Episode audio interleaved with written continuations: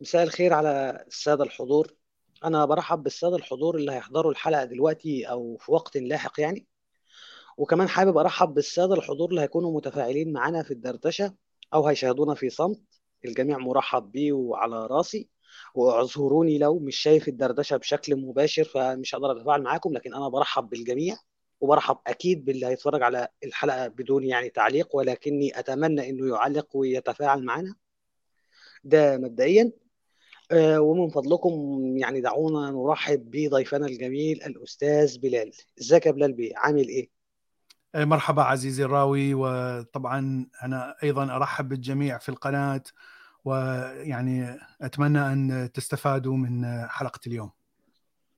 تمام. وأنا كذلك وأتوقع إنها تكون حلقة مفيدة وأنا حابب أدي لحضراتكم فكرة عامة عن الموضوع بشكل عام مش إزاي.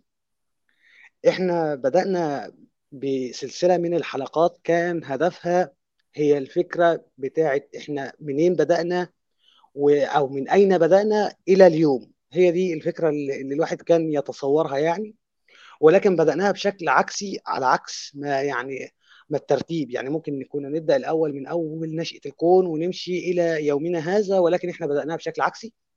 إحنا بدأنا في أول حلقات السلسلة دي كنا بنتكلم عن الوعي والعقل ومصدر القرارات عند الإنسان وكنا بنعرف إيه هو الوعي قدر الإمكان إيه هي التعريفات العلمية اللي عليه هل هم وصلوا لشيء أكيد بات ولا لأ مع مصطلح العقل الموجود ولا لأ. وبعدين رحنا في الحلقة الثانية نتكلم بقى عن الإنسان نفسه الروح والنفس إيه المصطلحات ديت إيه وجودها في الإنسان وهكذا يعني. وبعدين دخلنا في مجموعة حلقات علشان نوضح فكرة نظرية التطور بقى للإنسان اللي بقى موجود معانا ده. هل تطور إيه؟ إيه طريقة التطور؟ وده خد مننا ثلاث حلقات. وبعد كده رحنا على فكرة تكون الأرض وظهور الحياة عليها والخلية الأولى كيف ظهرت وإيه السيناريوهات اللي موجودة أو يعني التوقعات للفكرة ديت. وأخيرا إحنا دلوقتي في آخر حلقة بعد يعني طول آه، أمد على يمكن ثلاث شهور أو أربع شهور من العمل صحيح هو منقطع بعض الوقت للظروف لكن إحنا اشتغلنا لمدة أربع شهور على الفكرة إحنا النهارده في آخر حلقة وآخر آه، آه، درجة في السلم. اللي هو بتاع بداية الكون نفسه فاحنا بنتكلم النهارده عن نشأة الكون وتطوره ال- ال Big Bang وال واللحظات الأولى من آه، الانفجار العظيم كمصطلح لكن هم طبعا أنا عارف إن هم ما بيقولوش عليه كانفجار بمعنى انفجار. وهنتكو هنتكلم يعني زي ما حضراتكم شايفين كده الفكرة العامة اللي هي القوة والجسيمات الأساسية في الطبيعة أو الموديل العام لنشأة الكون. كيف بدأ الانفجار العظيم؟ المادة والطاقة المظلمة تقديرات للمستقبل البعيد. دي هتكون آه، ختام الحلقات وأنا بشكر بلال بيه على سعة صدره واستكماله للسلسلة بشكل مباشر. طيب ممكن بقى يعني حضرتك يا بلال بيه تبدأ في الموضوع وتدينا فكرة عامة؟ اتفضل. نعم. نعم شكرا. طيب آه، مثل ما ذكر الراوي هاي النقاط الأساسية راح نتكلم عليها اليوم. فنبدي بالأول آه، قبل ما نبدي ندخل بالموضوع. كل المعلومات اللي راح نذكرها اليوم هي تعتمد على الطريقة العلمية وخاصة الطريقة العلمية اللي ل- في علم الفلك. كيف نتأكد أو نتبين من آه، بداية الكون أو ماذا يحدث في أول ثواني إلى آخره؟ لأنهم يعني شيء طبيعي أنك لا تستطيع أن يعني تنظر من التلسكوب إلى بداية الكون يعني مستحيل. فإذا هناك هناك يعني طريقة معينة حتى نستطيع أن أن نعرف أن ما نفترضه هو صحيح. ف خلي الشيء الأول نبدي أنه كثير من ال... ما يسمى بالثيورست يضعون افتراضيات. هذه الافتراضيات عادة آه، تأتي أو تستلهم من نتائج تجارب معينة حدثت يعني قبلهم. وهذه التجارب مثلا آه، فيها مشكلة أو فيها تناقض مع المفهوم الحالي أو النظريات الحالية. ولهذا فاذا يضع الباحث افتراضية جديدة بمعادلاتها الرياضية. ومن ثم هناك ناس يحاولون حل هذه التجارب. أو ففعليا يعني إذا أخذنا مثل مثلا أينشتاين النظرية النسبية الخاصة أو أو خلينا نقول العامة.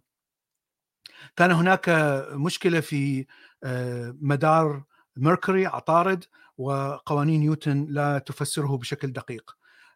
فكان التصور إما أن تكون قوانين نيوتن خطأ ويعني هذا كان ال ال كان اعتبار أنه هذا لا يمكن أن يكون صحيح لأن قوانين نيوتن صحيحة ونحن نتثبت يعني نستطيع أن نثبت هذه القوانين صحيحة. في سطح الأرض. أو أن يكون هناك كوكب آخر هو الذي يؤثر على مدار كوكب عطارد وحتى سمي بكوكب فولكان.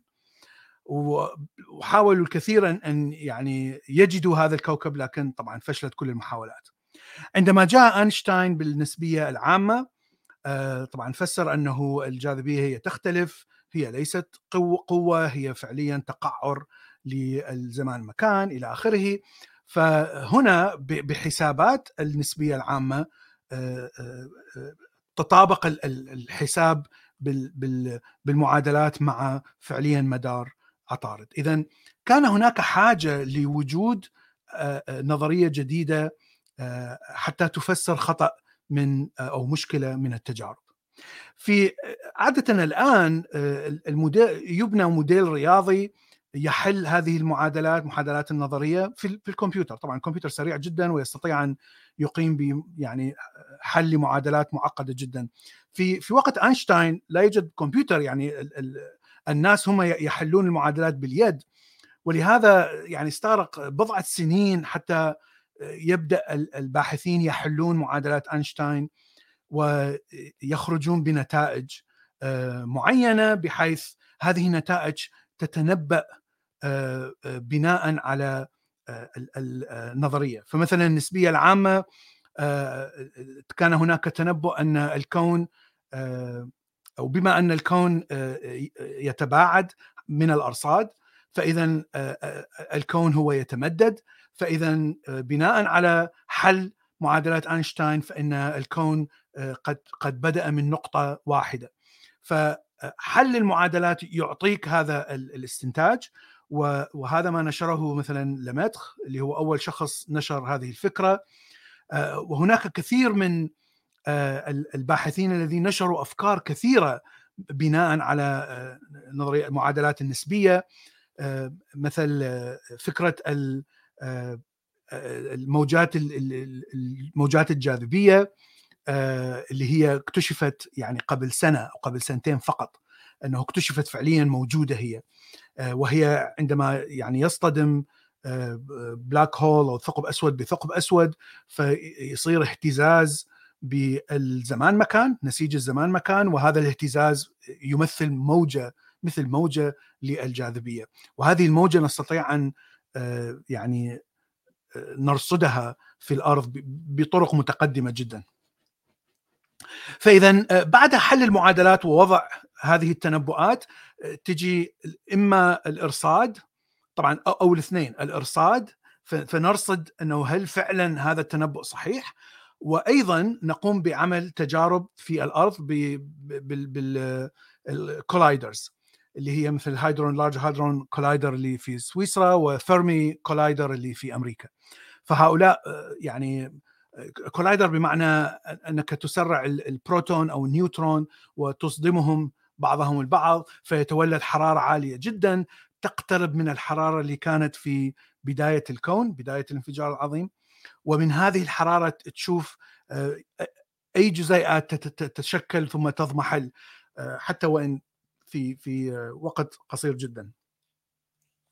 ومن هذه التجارب تستطيع أن تعرف إذا كانت افتراضيات المعادلات صحيحة أو لا. طيب فإذا كل الكلام اللي راح أقوله تبعا هو ناتج عن هذه الطريقة. وهناك طبعا افتراضات وليس فيها إثبات وراح أذكر الأشياء التي لا نعرف أو أو لم نجد عليها إثبات لحد الآن. طيب المهم نعرف أنه ما هي القوى الفيزيائية الأساسية في الطبيعة. لأنه هذه القوة تتحكم بكل شيء بالطبيعة الفيزيائية في الكون وأيضا الطبيعة الكيميائية ومنها الحياة ومنها يعني هي تتحكم بكل شيء في الكون. هناك في العالم الصغير جدا هناك قوتين نوويتين في في في نواة الذرات أنوية الذرات. هناك النووية القوية أو النووية الضعيفة. النووية القوية هي المسؤولة عن دمج جزيئات الكواركس مع الجلوون حتى تصنع بروتونات ونيوترونات. النووية الضعيفة هي مسؤولة عن الإشعاع أو إضمحلال الجزيئات أو إضمحلال البروتون أو إضمحلال الإلكترون عندما نقول كربون مشع. عندما نقول ذرة مشعة معناها ذرة هاي تفقد طاقتها بشكل بطيء جدا. فعمليه فقدانها إلى الطاقة تتحكم بها القوة النووية الضعيفة. وطبعا هناك القوة الكهرومغناطيسية وهي المسؤولة عن المجال الكهربائي، المجال المغناطيسي والمجال الكهرومغناطيسي الذي هو مسؤول عن كل التفاعلات الكيميائية.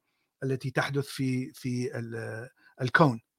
وطبعا قوة الجاذبية وهي القوة التي تحدث عادة في العالم الكبير والتي تكون متلازمة مع الطاقة والمادة. طيب أيضا شيء مهم أن نعرف ما هي الجزيئات الأساسية في الطبيعة لأنه ولو بشكل سريع لأن الجزيئات الأساسية مع القوى الأربعة هي التي تتحكم بالمواد تتحكم بالعناصر تتحكم بالذرات تتحكم بالتفاعلات الكيميائية إلى آخره. فعندنا مجموعة من ال ال التي تكون الجزيئات الأساسية تكون المادة فهي الكوارك والليبتون.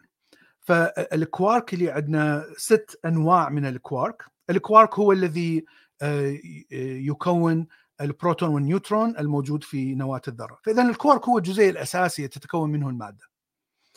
الليبتون الشيء المفيد منه هو الإلكترون لأن الإلكترون هو الجزيء الذي يتحكم بالمجال الكهربائي و يعني يكون مهم جدا في عمليات الكيميائية بين العناصر. الميون والتاو هي جزيئات تشبه الإلكترون. أحد منها واحد منها عنده كتلة صغيرة الآخر كتلة هائلة لكنها تضمحل ولا يرى لها يعني تأثير على على الحياة الكبيرة ال macro. وعندنا طبعا النيوترينو. نيوترينو عندنا ثلاث أنواع منه وهذا أيضا جزيء صغير جدا ويعني له mass ضئيل ضئيل ضئيل جدا جدا. حتى قسم الباحثين يقول أنه ليس له mass ليس له كتلة. وينتج من أي تفاعل أو أي انشطار نووي اندماج نووي. فهو ينتج من اضمحلال جزيئات إلى جزيئات أخرى. فتشوف مثلا الشمس تنتج بلايين وبلايين من ال neutrinos في كل ثانية.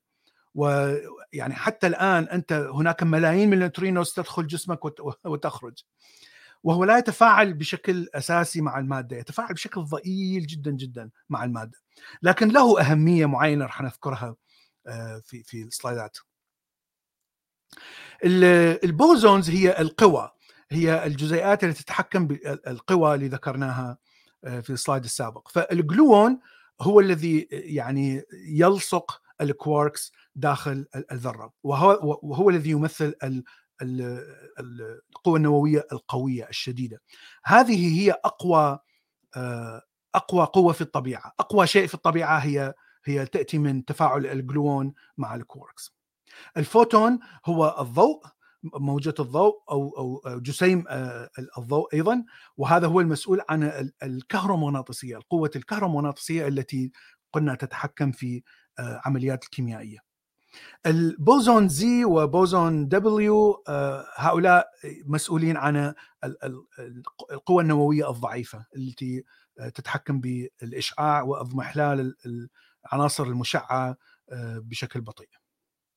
وطبعا بالنهاية وآخر شيء عندنا بوزون هيجز وهذا البوزون هو مسؤول عن مجال هيجز والمجال هذا هو تسبح فيه كل هذه الجزيئات. يعني لأنها تسبح فيه ف تتكون عندها كتلة لأن كل ما تسبح فيه كل ما يصير يصير تذبذبات في هذا المجال فهذه التذبذبات هي تعطي قيمة الكتلة لكل هؤلاء الجزيئات.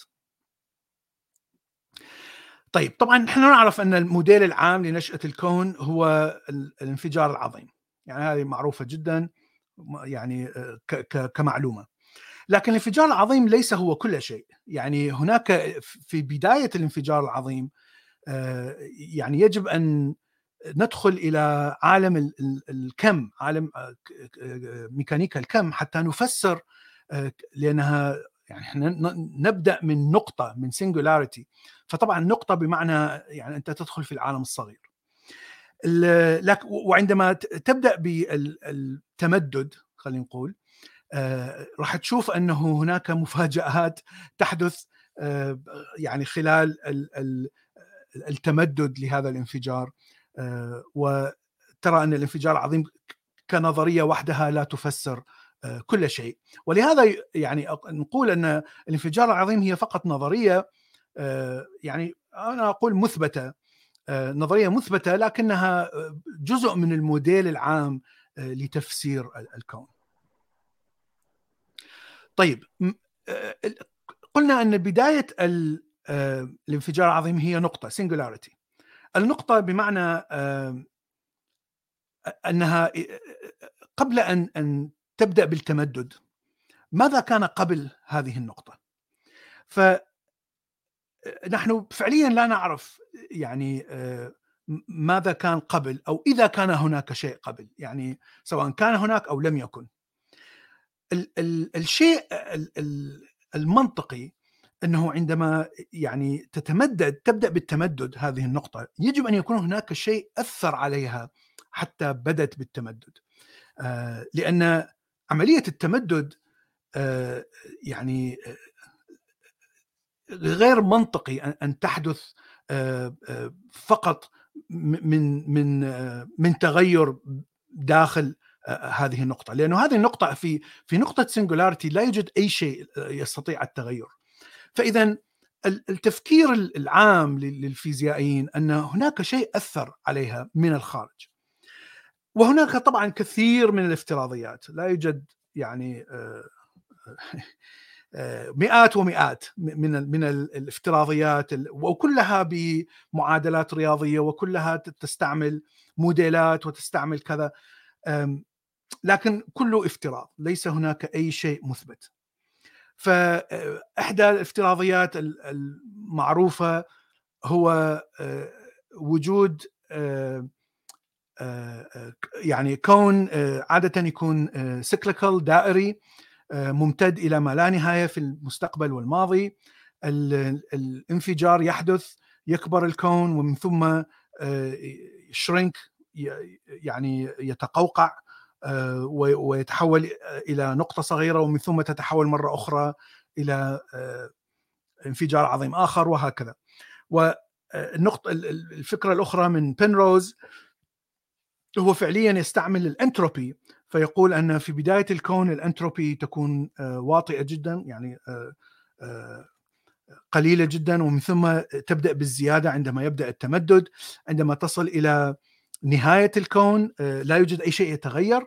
فاذا الأنتروبي أصبحت يعني ماكسيمم 100% لا يوجد بعد أي تغير في الكون. فالكون سوف يضمحل يعني بسرعة شديدة لأنه لا يوجد أي تغير. فحالة الكون نهاية الكون وحالة بداية الكون هي متشابهة بشكل كبير.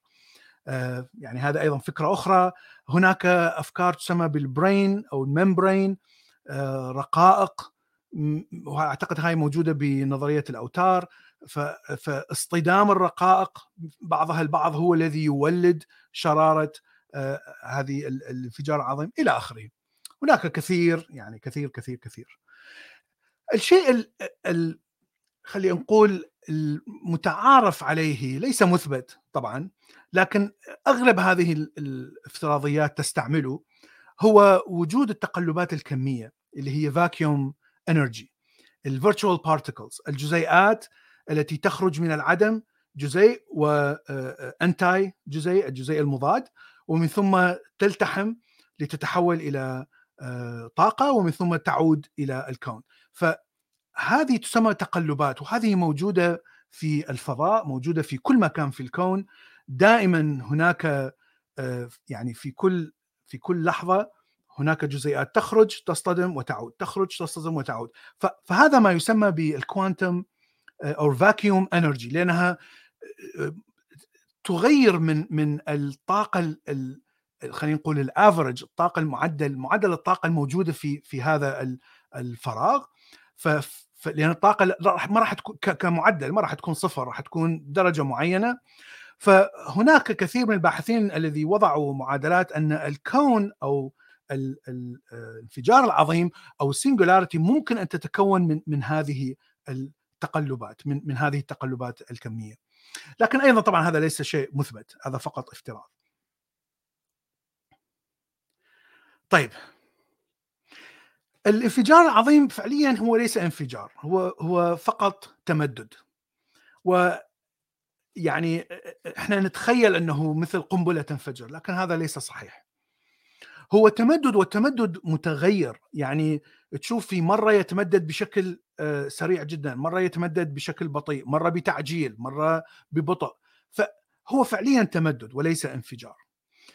لكن أن وطبعا ذكرنا إحنا النقطة هي سنجولاريتي بمعنى هي نقطة في التي تبدأ كل شيء وهذه النقطة تحتوي على ما لا نهاية كثافة من المادة أو الطاقة. طبعا المادة والطاقة هي نفس الشيء هو متبادلان معادلة أينشتاين المشهوره E equal MC square بمعنى المادة والطاقة هي عملتان لشيء واحد وجهان لعملة واحدة. فالنقطه كنقطة افتراضية طبعا هي ما لا نهاية من من الطاقة والمادة والصفر مكان وزمان. طبعا هذا مستحيل حتى مستحيل في معادلات الكم ومعادلات أينشتاين. ولهذا نقول أن يعني يقترب من الصفر لكن ليس صفر. لكن هذه هي البداية. وأول أول شيء نستطيع حسابه إذا لما يبدي التمدد هو ما يسمى بزمن بلانك. أو أو حتى بشحنة بلانك و مكان بلانك. هذه كلها اكتشفت من من ماكس بلانك عالم الألماني أنه هذه هي أقل وقت ممكن وأقل طاقة ممكنة ممكن أن نحسبها من العناصر. وهذه لا نستطيع أن نحسب وهذه أثبتت صحتها أيضا بنظرية الكم. فلا نستطيع أن نحسب أي شيء أصغر من هذا الوقت أو أو أقل من هذا الوقت. فاذا بعد 10 إلى قوة ناقص 43 ثانية هذا هو زمن بلانك. في هذه اللحظة الحرارة طبعا عالية جدا هي 10 لقوة 32 كالفن يعني وهذه يعني شيء خرافي جدا. إحنا نتكلم هنا عن الكالفن وليس الحرارة المئوية أو فهرنهايت. لأن الكالفن كمقياس حراري هو أصح. إذا إذا قلت صفر كالفن هذا يعني أن عناصر أو ذرات المادة لا تهتز تبقى ثابتة. بمعنى لا يوجد أي طاقة أو أي حرارة لأنه الحرارة أو الطاقة هي فعليا جزيئات مادة تهتز إما ذرات وإما أنوية وإما كذا. فعند باهتزازها نشوف هناك طاقة. فإذا الصفر كالفن هي هي الحالة التي عندما تكون الذرات لا تتحرك لا يوجد أي حركة فيها فإذا لا يوجد أي حرارة اللي هي صفر كالفن طيب في هذه النقطة كل القوى الأربعة اللي حكينا عليها وكل الجزيئات الأساسية غير موجودة كلها في سائل يسمى سوب بلازما سوب أو سائل من من الطاقة الموجودة لوجود هذه الحرارة العالية. فلا لا القوى غير موجودة والجزيئات غير موجودة لأنها كلها ملتحمة مع بعض. إذا انتقلنا إلى 10 بقوة ناقص 35 ثانية وتشوف الحرارة هبطت إلى 10 بقوة 26 هنا انفصلت الجاذبية. هذه أول قوة تنفصل عن باقي القوى الثلاثة الباقية. ولأن الجاذبية انفصلت فبدأت آه، بدأت الجزيئات الأساسية مثل الفوتون والكوارك تتكون وتتحطم. طبعا تتحطم لوجود حرارة عالية لا تستطيع أن تستقر بهذا لكن تأثير الجاذبية فهي تتكون بسرعة وتتحطم بسرعة. عندما ننتقل إلى 10 لقوة 22 آه، آه، كالفن و10 لقوة ناقص 32 آه، ثانية. هنا يحصل شيء غريب للكون يسمى بالتضخم أو انفليشن هذه الفكرة كانت فكرة افتراضية في البداية. إذا إذا هذه الفكرة غير موجودة فإذا البلازما أو الطاقة العالية الموجودة في في الكون آه، عندما تهبط الحرارة إلى 10 22 مثلا آه، راح تنقسم إلى ممكن أن تتكون المادة جزيئات كوارك والإلكترون وإلى آخره وممكن أن أن تستقر تبدأ بالاستقرار ولا تتفكك. لكن آه، الجزيئات التي تنتج هي عادة مثل الجزيئات التي نراها في ال vacuum energy في التقلبات الكمية. يتكون جزء وجزء مضاد يعني مادة ومادة مضادة ويلتحم آه، ويحطم بعضها البعض ومن ثم ترجع طاقة داخل ال soup هذا. فإذا إذا كانت هذه هاي الميكانيكية نشوفها بالمصادمات نشوفها بالمختبر بالمصادمات اللي اللي على الأرض. آه، لكن هذا طبعا آه، يعني أنه لا يوجد مادة في النهاية يعني عندما تكبر يكبر ويتمدد الكون المادة والمادة المضادة دائما راح راح تحطم أحدهم الآخر فلا يتكون مادة. آه، لكن طبعا الكون الذي نراه الآن فيه كثير من المادة لأننا موجودين والمجرات والشموس وإلى آخره. آه، وهؤلاء يتكونون من مادة وليس مادة مضادة. فاذا يجب أن يكون هناك شيء آه، جعل توازن المادة والمادة المضادة اختل بشكل بسيط بحيث الماده هي التي انتصرت أو كانت أكثر من الماده المضاده. وهذا كان لغز يعني خلينا نقول لغز من الستينات عالم السوفيتي زخروف مشهور جدا وضع افتراضيه وشروط إلى كيف نصل إلى هذا الكون الحالي الان من هذه البدايه فقال انه يجب ان يحدث شيء غريب شيء غير متوقع في في الكون حتى يصير هذا الاتزان يعني الشكل الغير متزن. في الثمانينات بداية الثمانينات آه، ظهرت فكرة التضخم الشديد.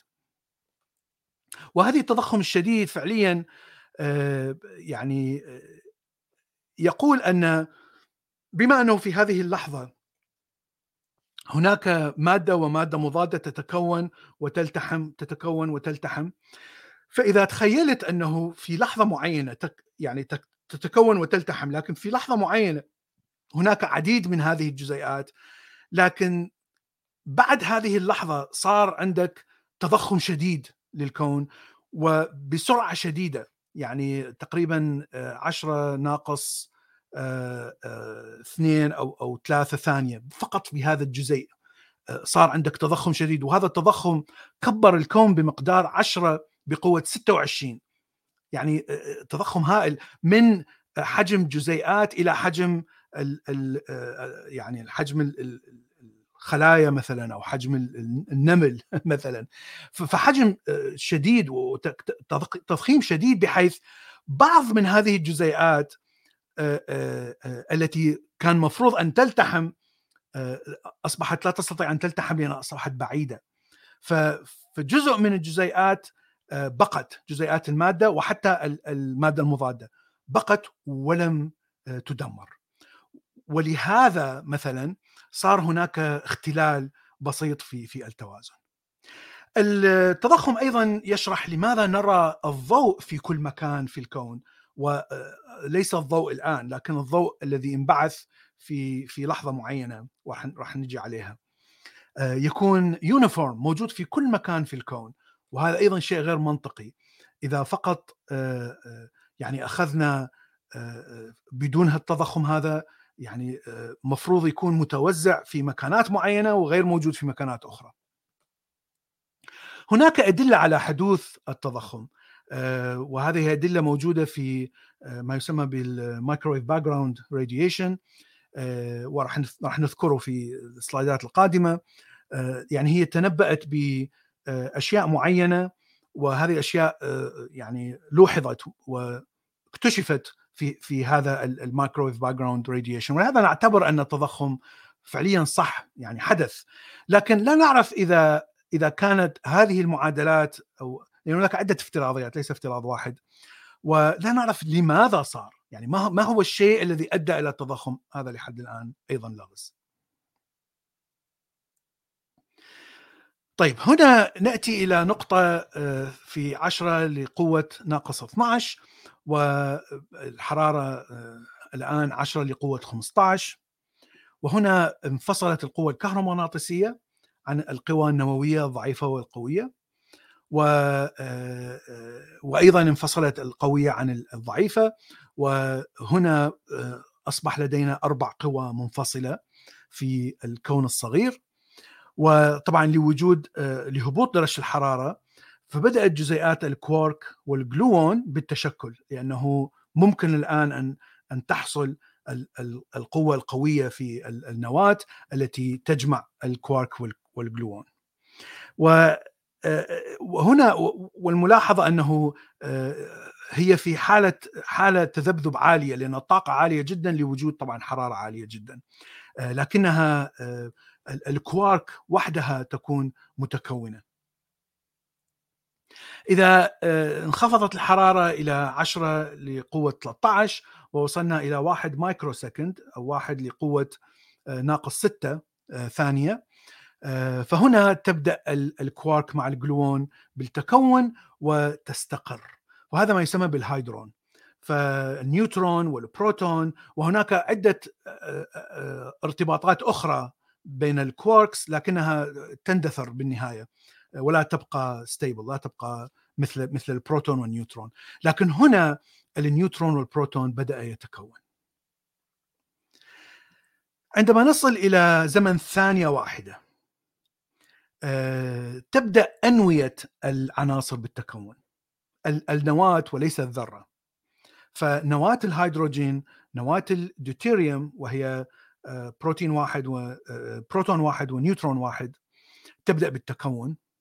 ونشوف ال antimatter المادة المضادة تبدأ بالإضمحلال. هذه المتبقية من من التضخم اللي ذكرناه. آه، تشوف هذه هذه المواد المضادة تبدأ بالإضمحلال. على شكل إشعاع. و آه، النيوترينو يبدأ بالتشكل. فالنيوترينو لأنه آه، ممكن أن يخترق المادة بسهولة فجزيئات النيوترينو انتشرت في كل مكان في في ذلك الكون الكون الصغير. ولهذا انتشار النيوترينو في كل مكان آه، في ذلك المكان طبعا. ولأن المكان يبدأ بالتوسع إلى أن يصل إلى الكون الحالي. فإننا يجب أن نرى أثر لهذا لهذه النيوترينو، النيوترينو هي جزيئات لكنها طبعا جزيئات كمية ولهذا يجب أن نرى موجاتها أيضا لأنها تكون موجة و, آه، آه، جزيء في نفس الوقت. ف يجب أن نرى هذا هذا الانتشار هذه هذه هذه النوترينات أو النوترينو. لكن آه، لأن طاقتها ضئيلة جدا جدا. أعتقد واحد إلكترون فولت أو شيء من هذا القبيل هو فعلا أو ملي ملي إلكترون فولت. الأجهزة التكنولوجيا الآن لا تستطيع أن تصل لهذه الدقة آه، من من آه، يعني من تحديد آه، طاقة الكهرومغناطيسية أو طاقة النيوترينو مثلا في الكون. لكن عندما نصل إلى هذا هذه المرحلة راح تفتح لنا كثير من المعرفة لأنه راح يعطينا مثلا كثير من المعلومات أو الخصائص عن ذلك الوقت. وقد نعرف إذا كان التضخم حصل فعليا إذا ما هو سبب التضخم. هاي كلها أشياء ممكن أن نعرفها أو تنفتح الأسرار لما آه، نستطيع أن نرصد آه، هذا النوترينو الآن في دقيقة ثلاثة من الكون وإحنا وصلنا بليون كالفن الحرارة. آه، تبدأ نواة ذرات أثقل بالتشكل أيضا أنوية وليست ذرات اللي هي هيليوم ليثيوم ويعني أنوية الهيليوم التي تتكون في هذه المرحلة راح تشكل 25% من من الهيليوم في الكون. فايضا هذه مرحلة مهمة في تكوين العناصر. وهنا تقريبا كل المقالات والبيبرز وكذا تشوفوا يعني يقفز من من دقيقة ثلاثة إلى 380 ألف آه، في عمر الكون. وهي شيء غريب. لكن يعني الملاحظ أن أنه هناك كثير من الأنوية التي تتكون آه، آه، وتتشكل لكن ذرات العناصر لا زالت غير متشكلة. والفكرة أن في في هذا الوقت وهو طبعا الحرارة نزلت إلى 3000 كلفن يعني فرق شديد طبعا عن السابق آه، هنا الفوتونات الضوئية طبعا هي الفوتونات تتكون بالبداية كما ذكرنا لكن هنا لأول مرة الفوتونات تستطيع أن تنتشر في في ذلك الكون آه، في ذاك الوقت. ليش؟ لأنه ذرات العناصر بدأت بالتكون، الهيدروجين والهيليوم آه، بشكل رئيسي. فلما تتكون لما لما يصير غازات الهيدروجين والهيليوم في ذلك الكون فإن الضوء يستطيع انتشار لأنه يستطيع اختراق هذه الغازات. آه، طبعا يستطيع اختراق الذرات لأنه نعرف هناك يعني فراغ كبير ما بين الذرة نواة الذرة والمدار الإلكتروني. فتشوف الضوء بدأ بانتشار لأول مرة في الكون وهذا هو الذي نراه الآن في ال microwave background radiation أو إشعاع الخلفية الكوني الحراري. هذا الضوء هذه اللقطة انتشار الضوء آه، آه، بقيت في الكون كلما يتمدد كلما موجات الفوتونات في الضوء تبدأ بالتمدد أيضا حتى يعني وصلت الآن هاي الصورة اللي تشوفوها الموجة تكون يعني ستريتشد إلى آخر حد تكون يعني متمطية إلى آخر حد. وحرارة آه، هذه الموجة بين 2 2 و3 أو 2 و7 كلفن والفرق الفرق الحراري ما بين الألوان الزرقاء والألوان الصفراء يعني هو جزيء بسيط جدا من الكالفن ف فإحنا نرى هذه الصورة وهذه الصورة هي التي فعليا أثبتت أن الانفجار العظيم فعليا حصل. يعني هذه هي كانت الإثبات بالإرصاد على أن هذا كل الافتراضات هاي صحيحة. ويعني كان هناك نظرية أخرى تسمى بال steady state أو أن الكون هو نفس نفس الحجم ولم يتغير ولن يتغير بالماضي أو بالمستقبل. وكثير من العلماء من ضمنهم أينشتاين كان مقتنع بهذه النظرية. لكن بعد اكتشاف ال background microwave background radiation يعني خلاص هذه هذه هي دليل واضح على أنه فعليا حدث الانفجار العظيم.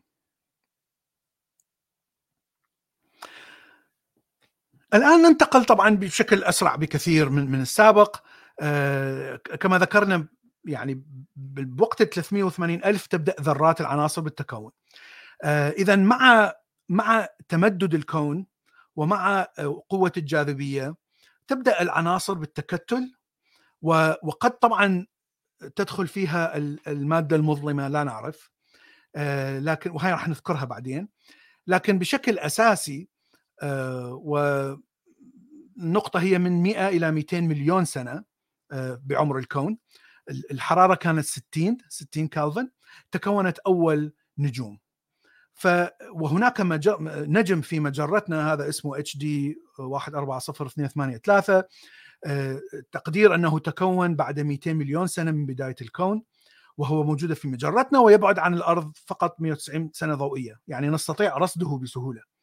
فطبعا هذا يعني نعرف هذا الكلام لتحليل الطيفي للضوء ضوء النجم. ف آه، آه، بعد هذه الفترة من 380 تقريبا إلى 700 مليون سنة هنا بدأت ظهور أول المجرات أيضا بفعل الجاذبية طبعا لكن المجرات يجب أن يكون هناك مادة مظلمة أيضا تقوي الجاذبية حتى تتكون المجرة بالشكل الذي نعرفه اليوم. أقدم المجرات اكتشفت الآن من جيمس ويب يعني أحدثت ضجة كبيرة هي تقدر بحوالي 700 مجرة لحد الآن اكتشفت وعمرها يعني 370 إلى 650 مليون سنة من عمر الكون. و لكن هذه المجرات يعني أنا شفت كثير من المقالات والفيديوهات تقول أنه هل هل هذا يعني أن ال Big Bang أو الانفجار العظيم لم يحصل وكل كل معلوماتنا خطأ. طبعا هذا كله خرط وفقط حتى يجذب المشاهد. فعليا هي متناسبة مع مع الموديل الذي نراه الآن لكن يعني في حافة الموديل يعني تكونها كانت 370 ربما في السابق كانت التوقع هو 400 مليون أو 450 مليون. الآن لا تكونت في من 370 مليون من عمر الكون فما فوق. فهي يعني متوافقة تماما مع الموديل المعروف الآن. أقدم مجرة مظلمة رصدناها عفوا أقدم مجرة تحتوي بشكل واضح على مادة مظلمة هي تشكلت في 1.7 بليون سنة من عمر الكون يعني بعد هذا الزمن بكثير طبعا هذا لا يعني أن هذه أول مجرة تحتوي على يعني مادة كبيرة من أو أو, عناصر كثيرة من المادة مظلمة لكن هذا هذا هو الإرصاد الذي لدينا الآن. طيب إحنا ذكرنا المادة المظلمة. اذا اولا لماذا يعني نفترض وجود مادة مظلمة؟ المادة المظلمة افترضت لدوران النجوم حول المجرة، خاصة النجوم الذين في أطراف المجرة. الباحثين رأوا أنه النجم في في أطراف المجرة يسير بنفس سرعة النجم الذي موجود في مركز المجرة أو قريب من مركز المجرة، وهذا شيء غير منطقي ولا يتبع قوانين نيوتن أو أينشتاين في الجاذبية. عادة الشيء القريب من المركز يجب أن يدور أسرع من الشيء البعيد عن المركز لأن المركز هو لديه ثقل الكتلة، الكتلة الكتلة الجاذبية وثقلها هو في المركز، وعادة كل ال المجرات تحتوي على ثقوب سوداء والثقوب السوداء فيها يعني مثلا نجم أعتقد الثقب الأسود في مجرتنا 4 مليون كتلة شمسية كتلة من من شمسنا يعني كتلة هائلة. طيب لكن وهذا شيء شافوه أنه يعني يعني موجود ومرصد في كل المجرات التي يعني نشوفها. كل المجرات النجوم تسير بنفس السرعة سواء كان في الطرف أو في الوسط أو في قريب من المركز. فهذا يعني أن هناك مادة فعليا تحرك تدفع هذا هذه النجوم للحركة. وهذه المادة لا تتفاعل مع الضوء لا تنتج ضوء ولا تتفاعل مع المادة المرئية مع الغاز مثلا غاز الغازات الهيدروجين الموجودة والنجوم وإلى آخره. وأيضا الشيء الآخر الذي أثبت أيضا هناك مادة مظلمة عندما نرى تكتلات من المجرات مثلا هذا صورة هنا على اليمين صورة cluster يسمى ب cluster Abell وهذا ال cluster يعني حتى تستطيع أن تجمع كل هذه المجرات في في منطقة واحدة يجب أن يكون هناك أضعاف المادة الموجودة في كل مجرة إذا إذا تحسبها بحسابات رياضية فإذا يجب أن يكون هناك كمية هائلة من المادة المظلمة حتى تجمع كل هذه المجرات في في منطقة يعني كبيرة واحدة. الدليل الآخر طبعا هذا الدليل كله من بس من الإرصاد فقط. الدليل الآخر هو وجود ما يسمى بال lens gravity lens الشيء الذي يشبه العدسة فإذا كان عندك كتلة هائلة مثلا مجموعة من المجرات أو مجرة واحدة أو حتى ثقب أسود الضوء الذي يأتي من من خلف هذا الثقب الأسود أو خلف هذه الكتلة الهائلة سيظهر بشكل مقوس بشكل ما يسمى بأقواس لأنه تقعر لأنه لأن الجسم الكبير يعمل وكأنه عدسة وهذا الشيء أيضا تنبأ به معادلات أينشتاين النسبيه وأثبت أنه صحيح وموجود أعتقد في السبعينات والثمانينات من القرن الماضي. فقسم من هؤلاء حتى حتى فعلا أحصل على هذه الدوائر التي تكون حول هذا المركز الثقيل جدا يجب أن يكون هناك كتلة أعلى بكثير من الكتلة اللي نراها آه، بالضوء من هذه المجرات. وهذا إحدى هذه الكتل آه، اسمها من من هي اكتشفت من هابل تلسكوب ولهذا رقم غريب. اسمها ليس اسم طبيعي. 1554 زائد 0024 فهذا يعطي دليل آخر على يجب أن يكون هناك مادة مظلمة. المادة المظلمه غير معروف. ما هي؟ ما هي الجزيئات التي تكون هذه المادة؟ لا نعرف. هناك كثير من الافتراضيات وكثير من النظريات. مثلا string theory كان عندها نظرية ال supersymmetry التي آه، تفترض وجود آه، آه، نظير يعني جزيئات نظيرة لكل الجزيئات الأساسية. هناك كوارك هناك كوارك نظير له. الكترون الكترون نظير له. غير ال anti غير المادة المضادة. ف فإذا وهذا كله افتراض كان وبالمعادلات فإذا هذا الكلام طلع صح فإذا تستطيع أن تفسر المادة المظلمة. لكن ال Large Hadron Collider المصادم آه، في سويسرا لم يكتشف هذه الجزيئات الجديدة. وكان يتوقع أن يكتشفها في الطاقة التي آه، استخدمت يعني بالتصادم. آه، فإذا يعني هذه الفكرة طلعت يعني احتمالها ضئيل جدا. هناك افتراضيات أخرى تسمى بال modified gravity أو أو الجاذبية المغيرة أو المعدلة. فيقول أن الجاذبية في مجرات معينة يعني تعمل بطريقة مختلفة عن الجاذبيه في آه، مثلا المجموعة الشمسية لأنها صغيرة. بالنسبة للمجرة المجرة الجاذبية تتغير. ولا يعني تعمل بنفس القوانين الفيزيائية. لكن أيضا هذه الافتراضية فيها مشاكل مع الإرصاد مشاكل مختلفة مع الإرصاد. فكل الافتراضيات الآن التي تحاول أن تفسر الماده المظلمة آه، آه، يعني كلها لم تنجح إلى الآن. لكن آه، نحن نعرف خصائص هذه المادة. كما ذكرنا هذه المادة لا تتفاعل مع الضوء لا تنتج فوتونات أو اشعاع كهرومغناطيسي أيضا لا تتفاعل مع نفسها لا تتفاعل مع المادة. أيضا هي تتكتل مع المجرات الصغيرة نسبيا وليست المجرات العملاقة. وهي تتحرك ببطء وفي محيط بارد الحرارة وليس آه، عالي الحرارة. يعني هي هي لا تكون بقرب النجوم مثلا هي تكون بعيدة عن النجوم. يعني هاي خصائص معينة آه، عرفناها فقط من الإرصاد. آه، لكن طبعا نحن لحد الآن لم نعرف ما هو الجزيء الذي يكون. نسبة المادة المظلمة في الكون تقريبا تقدر ب 27% من كل المادة والطاقة الموجودة في الكون. آه، تخيل المادة المرئية التي نراها التي تكوننا إحنا وتكون الكواكب والمجرات والشموس وكل النجوم وهذا كل هذا كله 5% فقط من المادة والطاقة الموجودة في الكون. يعني هاي تعتبر صدمة آه، طيب هناك أيضا طاقة مظلمة. طيب ما هي ما هي الطاقة المظلمه؟ ولماذا هناك طاقة مظلمة؟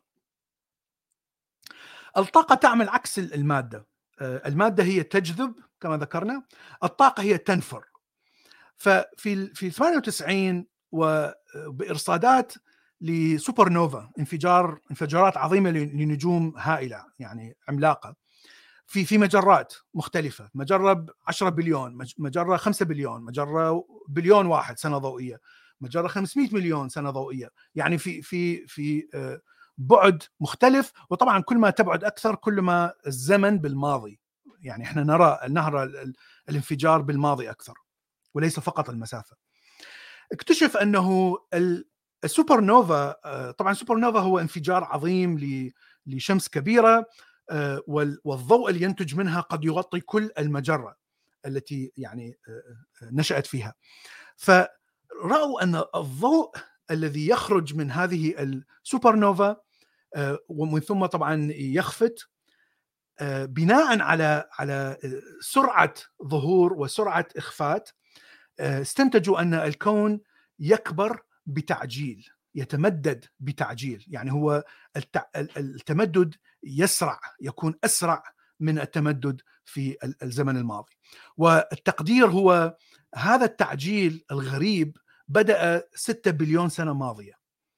فتقريبا عمر الكون هو 13.8 آه، بمعنى تقريبا 7 7 بليون سنة من عمر الكون آه، بدأت الطاقة هناك طاقة مظلمة لا نعرف ما هي. آه، بدأت بتحفيز وتك يعني إبعاد المجرات والمادة عن بعضها البعض وتمدد الكون بدأ يصير بشكل أسرع وأسرع وأسرع كلما تقدم الزمن. هذه الطاقة تشكل 68% من كل المادة والطاقة في الكون، يعني هي الجزء الأسد نصيب الأسد من من كل آه، ما موجود في الكون. و آه، أيضا نحن لا نعرف ما هي الطاقة أو من أين أتت. وطبعا ممكن أن تكون مادة وليست طاقة لأنه الطاقة والمادة هما كما ذكرنا شيئين لعملة وجهين لعملة واحدة. لكنها تسمى بطاقة لأنها منفرة. فنحن لا نعرف ما هي هذه الطاقة ما هو الجزيء الذي يمثلها.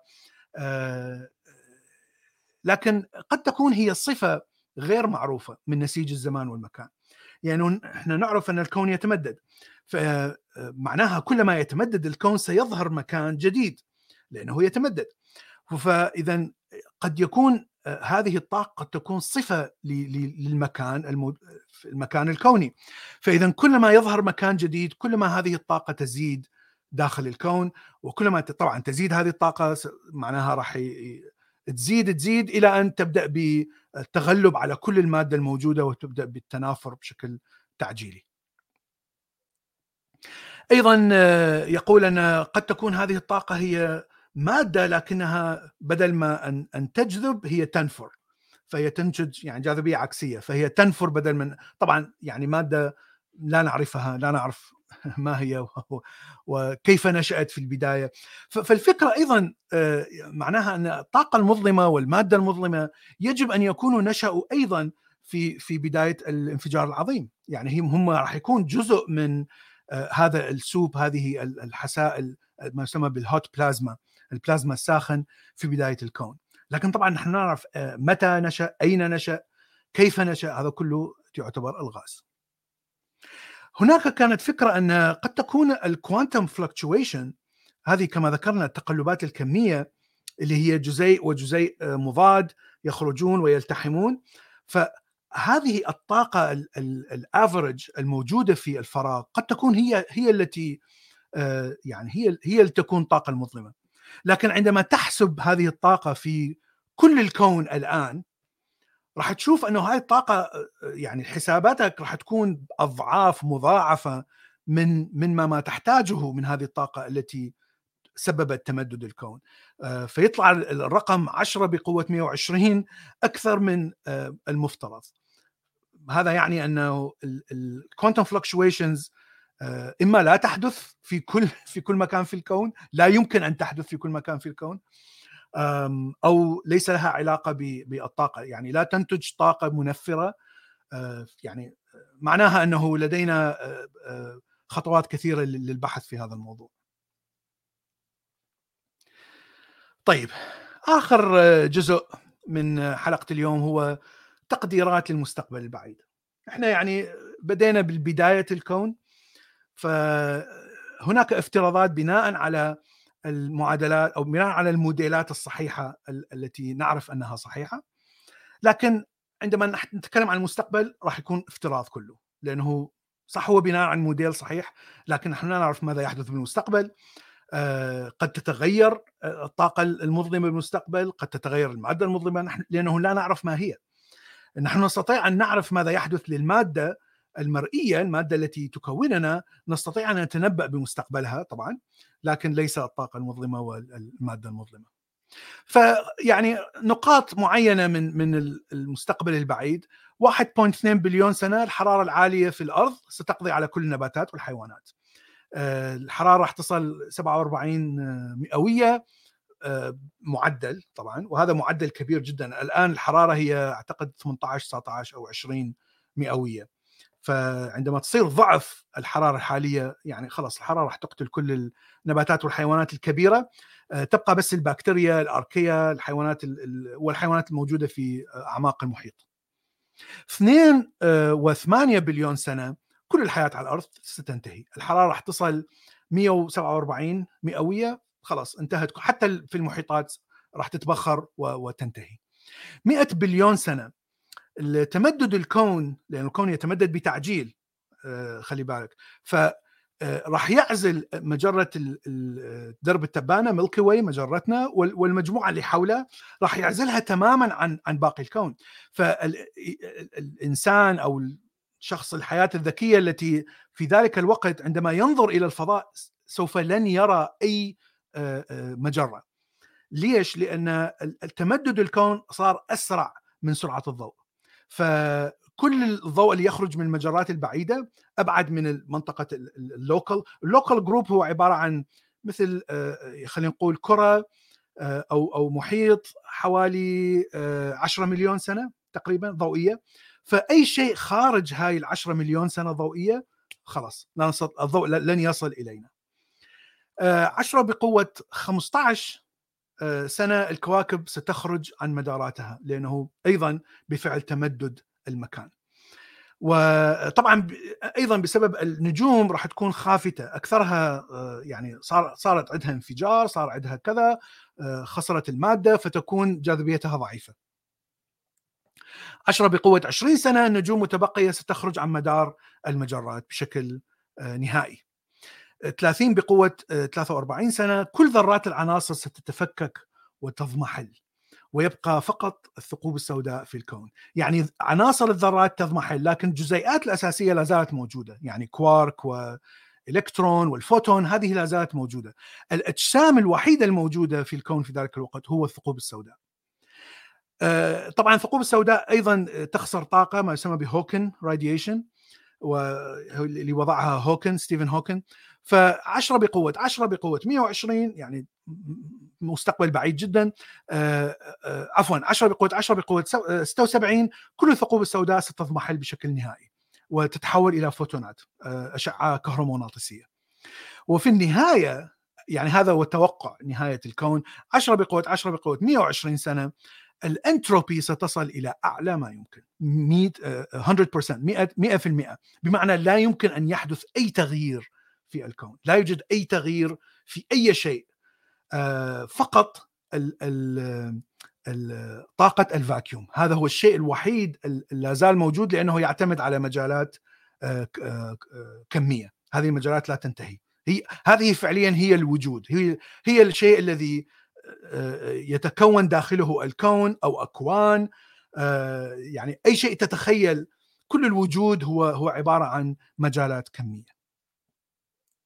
فكثير من الناس يقول في هذه النقطة آه، سوف إما آه، تصنع آه، هذه المجالات الكمية سوف تصنع big bang جديد يعني انفجار عظيم جديد أو راح يصير collapse راح يعني يتحول هذا الكون العظيم إلى نقطة صغيرة ومن ثم يكمل ال big bang إلى آخره. وهذا كله طبعا افتراض لا يوجد أي دليل على هذا الشيء. هناك توقعات قسم من التوقعات لهذه الافتراضيات. فيقول مثلا إذا إذا كان هناك يعني سلسلة من الانفجار وما يسمى بال crunch big crunch إنه يرجع صغير وثم وسلسلة معينة يجب أن نرى آثارها بهذا ال microwave background يعني يجب أن يكون هناك آثار لكن هذه الآثار يعني هي طاقات ضئيلة جدا جدا جدا لحد الآن أجهزتنا لا تستطيع أن أن يعني تحللها إلى هذه الدقة. فقد يكون هذا الكلام صحيح لكن يعتمد على عندما تتقدم التكنولوجيا ونستطيع أن نصل إلى طاقات أقل في ال microwave background radiation. طيب إحنا انتهينا من من عرض ال slideات. خلينا نشوف إذا هناك أي أسئلة. عندنا خمس دقائق.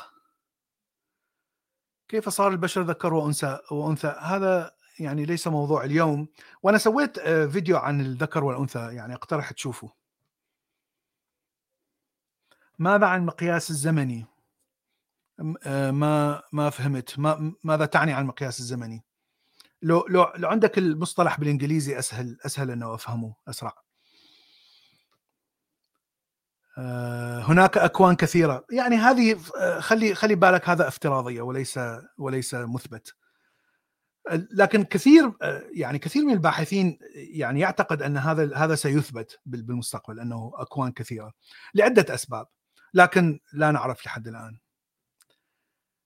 هل هناك علاقة بين الوعي البشري والكون؟ أنا لا أعتقد بوجود أي علاقة، الوعي البشري هو ناتج من عمليات كيميائية في الدماغ، ليس له أي علاقة بال بأي شيء في الكون، يعني هو هو نتج من الكون، يعني الذرات التي صنعتنا هي نتجت من من أنجم.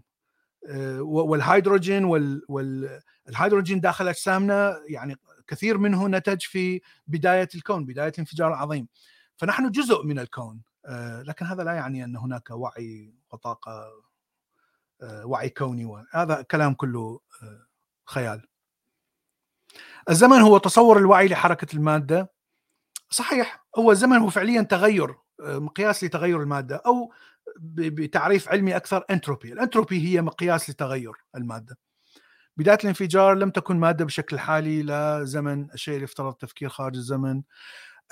صحيح إذا إذا فكرت أن الزمن أنت تحسب الزمن داخل قوقعة الكون، داخل هذا الانفجار، صحيح لا يوجد زمن قبل أن يبدأ التمدد، وهذا صحيح. لكن إذا إذا كانت هذه النقطة سنجولاريتي موجودة فوق مجالات كمية اذا المجالات الكمية هي هذه هذا هو الوجود الوجود هو هو ليس هذه النقطة وهذا شيء منطقي أكثر لأن المجالات الكمية ممكن أن تنتج انفجار عظيم. ممكن. ليس مثبت. وعندما وعندما تبدأ هذه النقطة بالتمدد فالزمن داخل هذه النقطة يبدأ يعني أو التغير أنتروبي تبدأ بالتغير أو الزمن يبدأ بالحساب.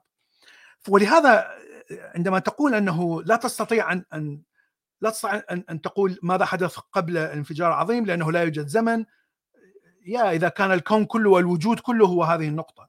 يا صحيح لأنه لا يوجد زمن. لكن ما هو يعني كيف بدأت بالتوسع؟ يعني إذا قلت لي الله أو خالق أنت ذهبت إلى الخرافة. هذا ليس علم لأنك لا تستطيع أن تثبت وجود خالق أو الله أو أي شيء. إذا إذا كان هناك الله فيجب أن يكون عنده صفات فيزيائية أستطيع أن يعني أضع معادلات وأضع إثباتات حتى مثلا بالإرصادات أثبتها. الله والخالق والكذا هذا كله يعني ميتافيزيقيا.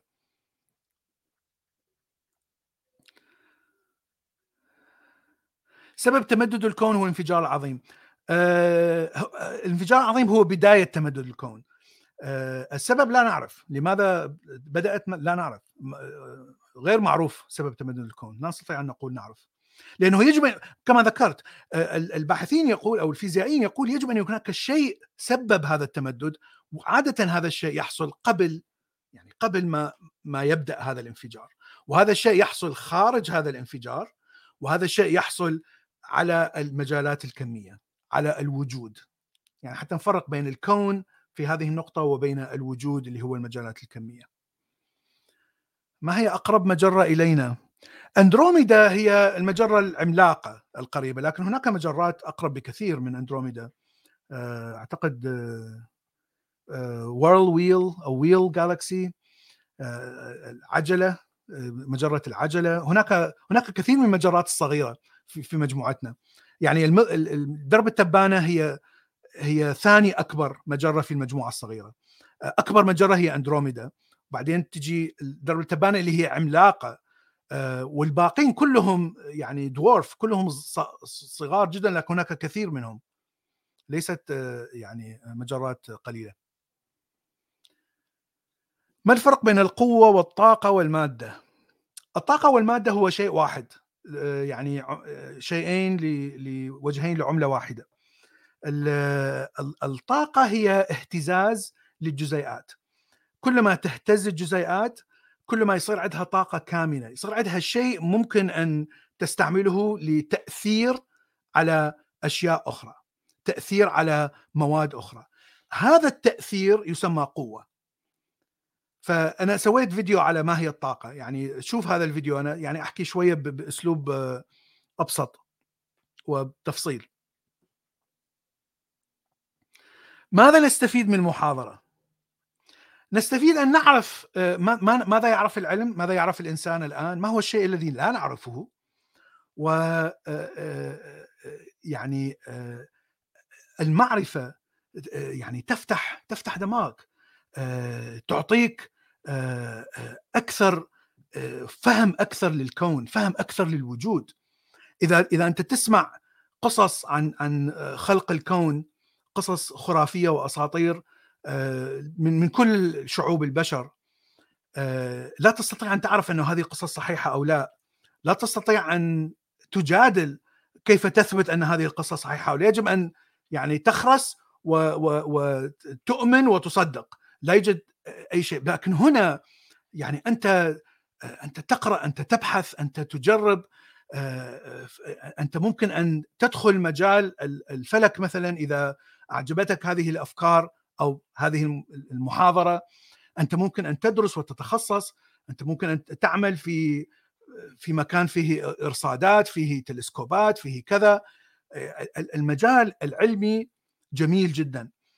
وحتى يعني هذا مثلا ال Hadron Collider في سويسرا قسم من الناس يرى أنه ليس له فائدة يعني عملية للبشر يعني في حياتنا اليومية. وهذا كلام خطأ.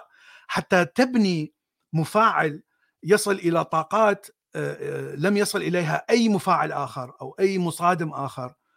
أنت تحتاج أن تكون يعني تنبغ بالهندسة تنبغ بالفيزياء النووية، فيزياء الذرية، فيزياء الجزيئات حتى تصل إلى هذه المرحلة، كل هذه تحتاج إلى اختراعات ملايين نقول ملايين خلينا نقول آلاف ومئات من الاختراعات الجديدة حتى أستطيع أن أن أصل إلى هذه النتيجة، هذه الاختراعات لا تبقى فقط في المفاعل. ستنتشر ستذهب إلى الصناعات الهندسية تذهب إلى صناعات الآيفون تذهب إلى صناعات التليفونات. ستنتشر ستفيد البشر. وهذا هو ما حدث مثلا عندما صنعت ناسا الكبسولات اللي ذهبت إلى القمر إلى آخره. يعني كم هائل من البحوث الهندسية ظهر فقط من هذه الفترة.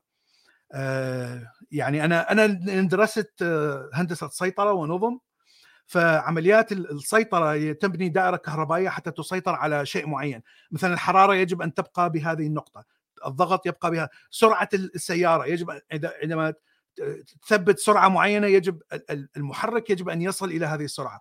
فكيف تضمن أن ال system أو النظام يصل إلى هذه النقطة. يجب أن تبني دائرة تسمى control وهي دائرة كهربائية. ف يعني ناسا طورت فكرة دوائر ال control بنفس الوقت. السوفيت طوروا أيضا فكرة ال control فقط من البحوث على صواريخ الفضاء. ويعني بدأت تنتشر عند شعوب الأرض كلها بالسبعينات والثمانينات. ف فكل هذه البحوث يعني تكون هائلة. في في دفع الحضاره دفع التكنولوجيا إلى الأمام. هذه هي فائدة هذا الكلام. طيب آه أنا أشوف أنه ما في بعد أسئلة فأشكر الجميع وتصبحون على ألف خير.